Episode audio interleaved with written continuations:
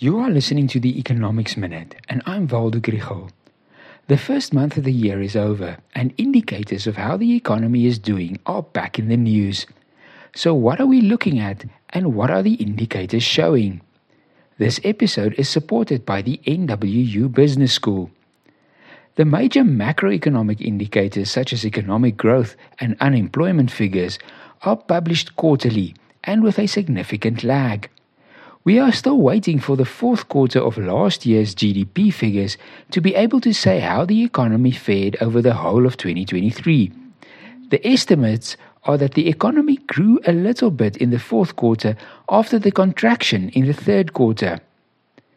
Analysts expect 0.5% growth in 2023, but the official figure will not be available until early March. The fourth quarter unemployment figure is scheduled for 20 February. But there are quite a few high frequency indicators that say something about how the economy performed in December and January. We already know that consumer price inflation and producer price inflation decreased in December. Credit extension shows the impact of interest rates on households and businesses, and it was weak for the best part of last year. Economists expect a slight improvement in the figure in December, and this will be announced later this week.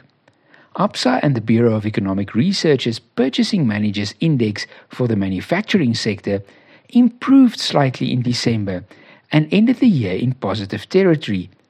Analysts are cautious, though, about hoping that the momentum continued into January. The figure will be announced on Thursday. All in all, it's just too early to look for new green shoots on a tree that has suffered a drought. But inflation is falling and businesses are mitigating load shedding. There's always a bit of hope.